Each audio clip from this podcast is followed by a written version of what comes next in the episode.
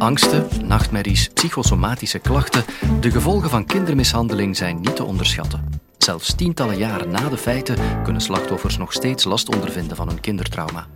Hoe dat komt, hoor je van kinderpsychiater Peter Adriaanse. Wat doet mishandeling met een kinderbrein? Dit is de Universiteit van Vlaanderen.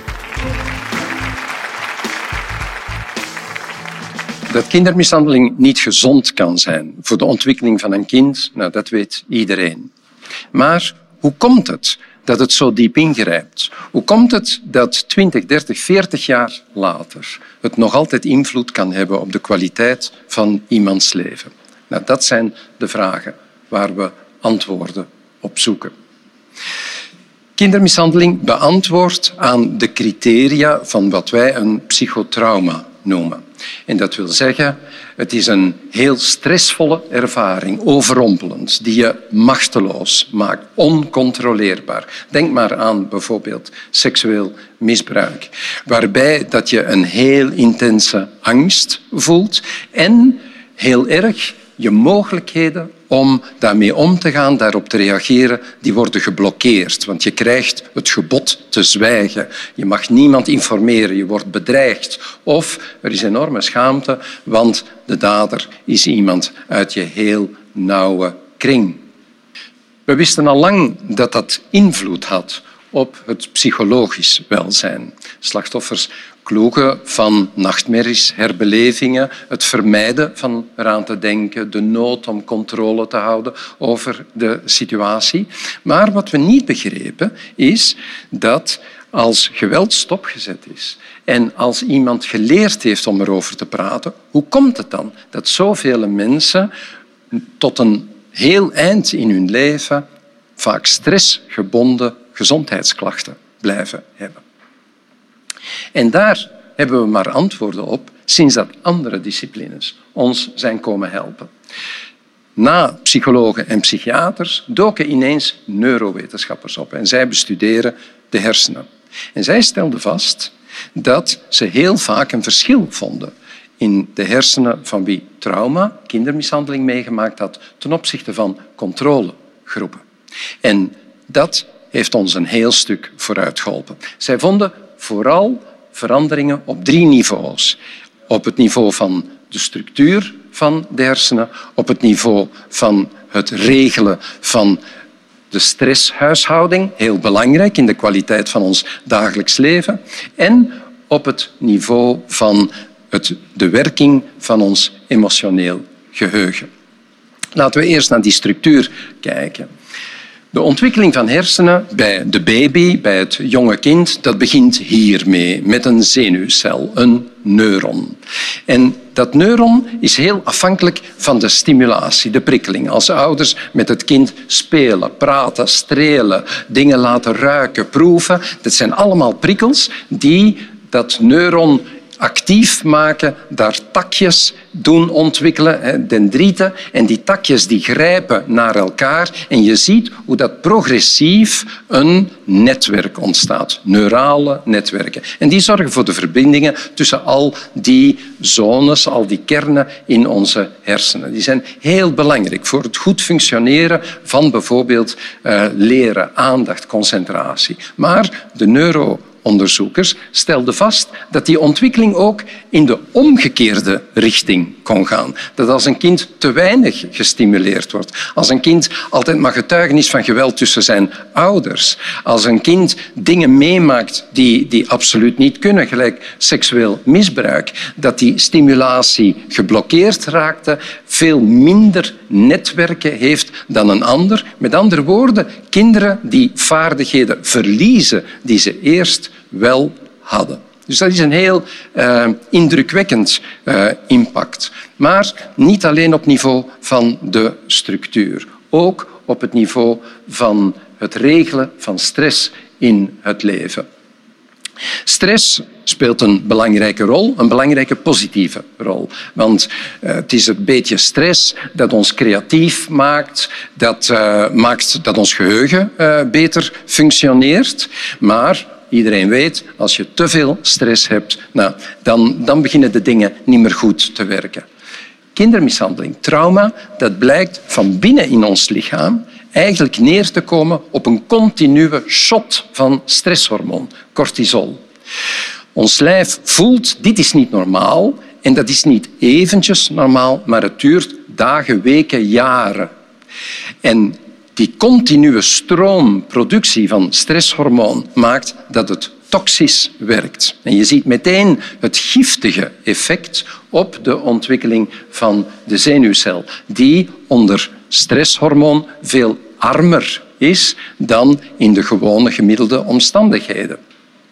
En als we dat bijvoorbeeld eens bekijken in een doorsnede, eh, waar dat je hier op deze CT-scan die zwarte schil eh, ziet bij de eh, persoon met posttraumatische stressstoornis. Die zwarte schil, wat wil dat zeggen? Dat is die intense dosis stresshormoon die circuleert langs die buitenste laag cellen. Dat zijn de slimme cellen, dat is onze, onze corticale functies. En die die gaan daarvan kapot. Er is celverlies. Als we kijken dieper in de hersenen naar één van die deeltjes, een van die kernen, bijvoorbeeld bij de hippocampus, die een belangrijke rol speelt in de werking van het geheugen, dan zie je dat die bijvoorbeeld hier 30 procent cellen verliest. En wanneer speelt dat een rol? Wel, eh, als een slachtoffer wil gaan getuigen over wat hij meegemaakt heeft, dan is het klassiek dat er gevraagd wordt uh, waar was je toen dat, dat gebeurde, uh, wanneer was dat precies. Nu, dat zijn vragen waarin dat, uh, de hippocampus een belangrijke rol speelt in de verankering in het geheugen. Dus dankzij dit soort onderzoeken begrepen we ineens ook beter waarom vele slachtoffers eigenlijk niet zo'n goede getuigen zijn. Waarom zij tegensprekelijke informatie geven die, die wisselt van de ene keer naar de andere.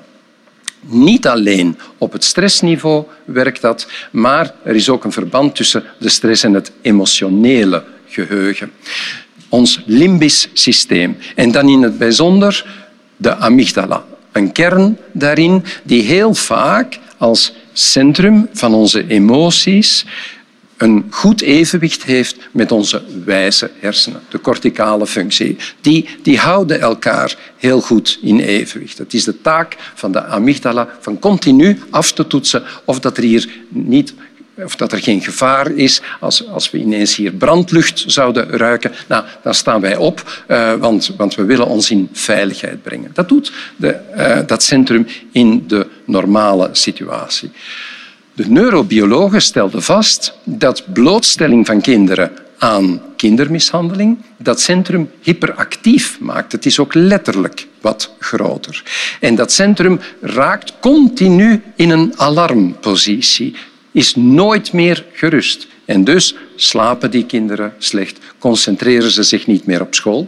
Maar als trauma stopgezet is, als ze niet meer in gevaar leven, dan blijkt die amygdala zo overtraind te zijn dat die gewoon blijft werken alsof het gevaar nog altijd aanwezig is. En dan krijgen we dit soort uh, situatie waar de informatie van wat wij zien wat wij horen, voelen, ruiken, hè, dat die informatie die wordt doorgezonden naar onze corticale functies, de, de wijze gespecialiseerde zones. Maar tegelijkertijd werd een bundel ontdekt die voor een kleine lek zorgt van die informatie naar de amygdala. Met andere woorden, ons alarmcentrum wordt ingeschakeld en het alarmcentrum gaat onmiddellijk in zijn databank controleren. Een man met een klein snorretje, weten we daar iets van? De databank zegt alarm, uw dader die had zo'n klein snorretje. Ja. En het alarmcentrum zet onmiddellijk de verdediging in werking, vechten, vluchten of bevriezen. Te laat komt de informatie van de corticale zones, de gespecialiseerde, die zeggen, oh, oh, oh, die heeft inderdaad een snorretje, maar voor de rest trekt die helemaal niet op de dader. Maar te laat. Het alarm is er al. De persoon voelt zich slecht. Dat zijn invloeden die de kwaliteit van dat dagelijks leven aantasten. Als we kijken naar het verloop van onze emoties, dan zijn wij in de loop van de dag natuurlijk eh, hebben wij lichte schommelingen. Eh, die, zoals je hier in het groen ziet, lichte schommelingen, hoe het met ons gaat. Maar mensen waar dat het alarmsysteem van aanstaat, die functioneren, het zij in verhoogde spanning, altijd in een, in een vecht, in een reactieattitude, het zij in een heel apathische, verlaagde spanning, met, met het gevoel, ik kan niks, ik ga mezelf nooit uit de put kunnen trekken. Nu, als die over- of onderspanning blijft bestaan in het verder verloop van je leven, ondanks het feit dat trauma stopte, dan begrijp je dat dat kwaliteit van leven aantast. En dat deze mensen vaak bijna dagelijks opnieuw geconfronteerd worden met kleine last die te maken heeft met wat ze ooit als kind meegemaakt hebben. Dus we hebben drie niveaus hè, waar dat we schade van kunnen aantonen op het vlak van het neurobiologische. En dan kwam er niet alleen van daaruit, maar ook van een andere discipline informatie, die we ook niet verwacht hadden. In 2012 laat een groep genetici weten dat zij ook invloed van trauma vinden meer bepaald binnen het domein van de epigenetica. Zij, bestuderen de invloed van bepaalde omstandigheden op ons erfelijk materiaal. En we weten ondertussen dat er stukjes zijn die we gebruiken of niet gebruiken, al naar gelang de invloed van bepaalde ervaringen. Wat, iedereen herkent, is dat rokers uh, hun gevaar kunnen wakker maken, hun risico op longkanker. Maar bij trauma werden ook dergelijke dingen gevonden. Bij kleinkinderen van Holocaust-overlevers. Of bij de baby's van moeders die in de terreuraanslag van 9-11 getroffen geweest zijn. Bij deze kinderen, die dus niets zelf meegemaakt hebben, vonden zij een verhoogde stress. Zij beginnen de dag op een heel hoog stressniveau, alsof er al van alles gebeurd is. En de dag moet nog maar starten.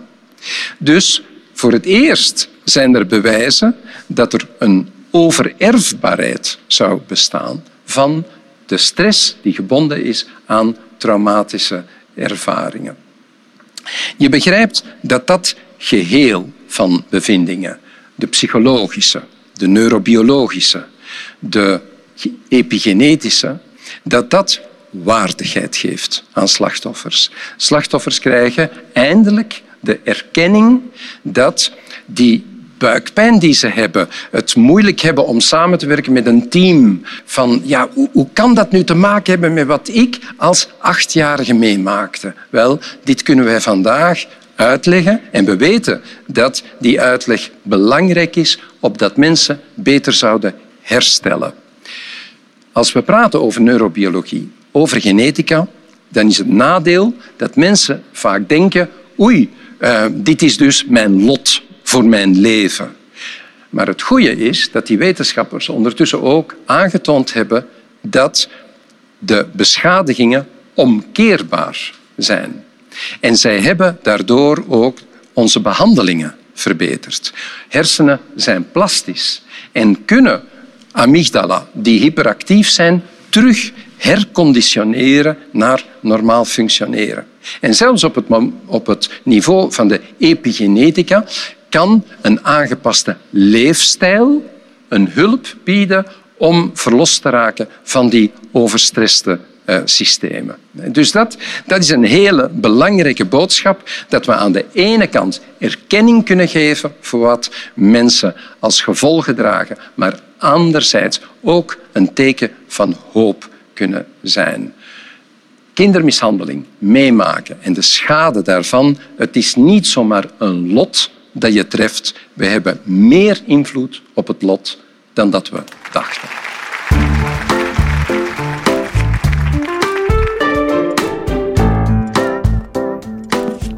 Als je zelf geweld meemaakt, wil je dat het stopt.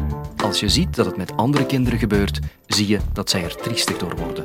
Bel naar het Vertrouwenscentrum Kindermishandeling op het nummer 1712 en praat erover met de volwassenen.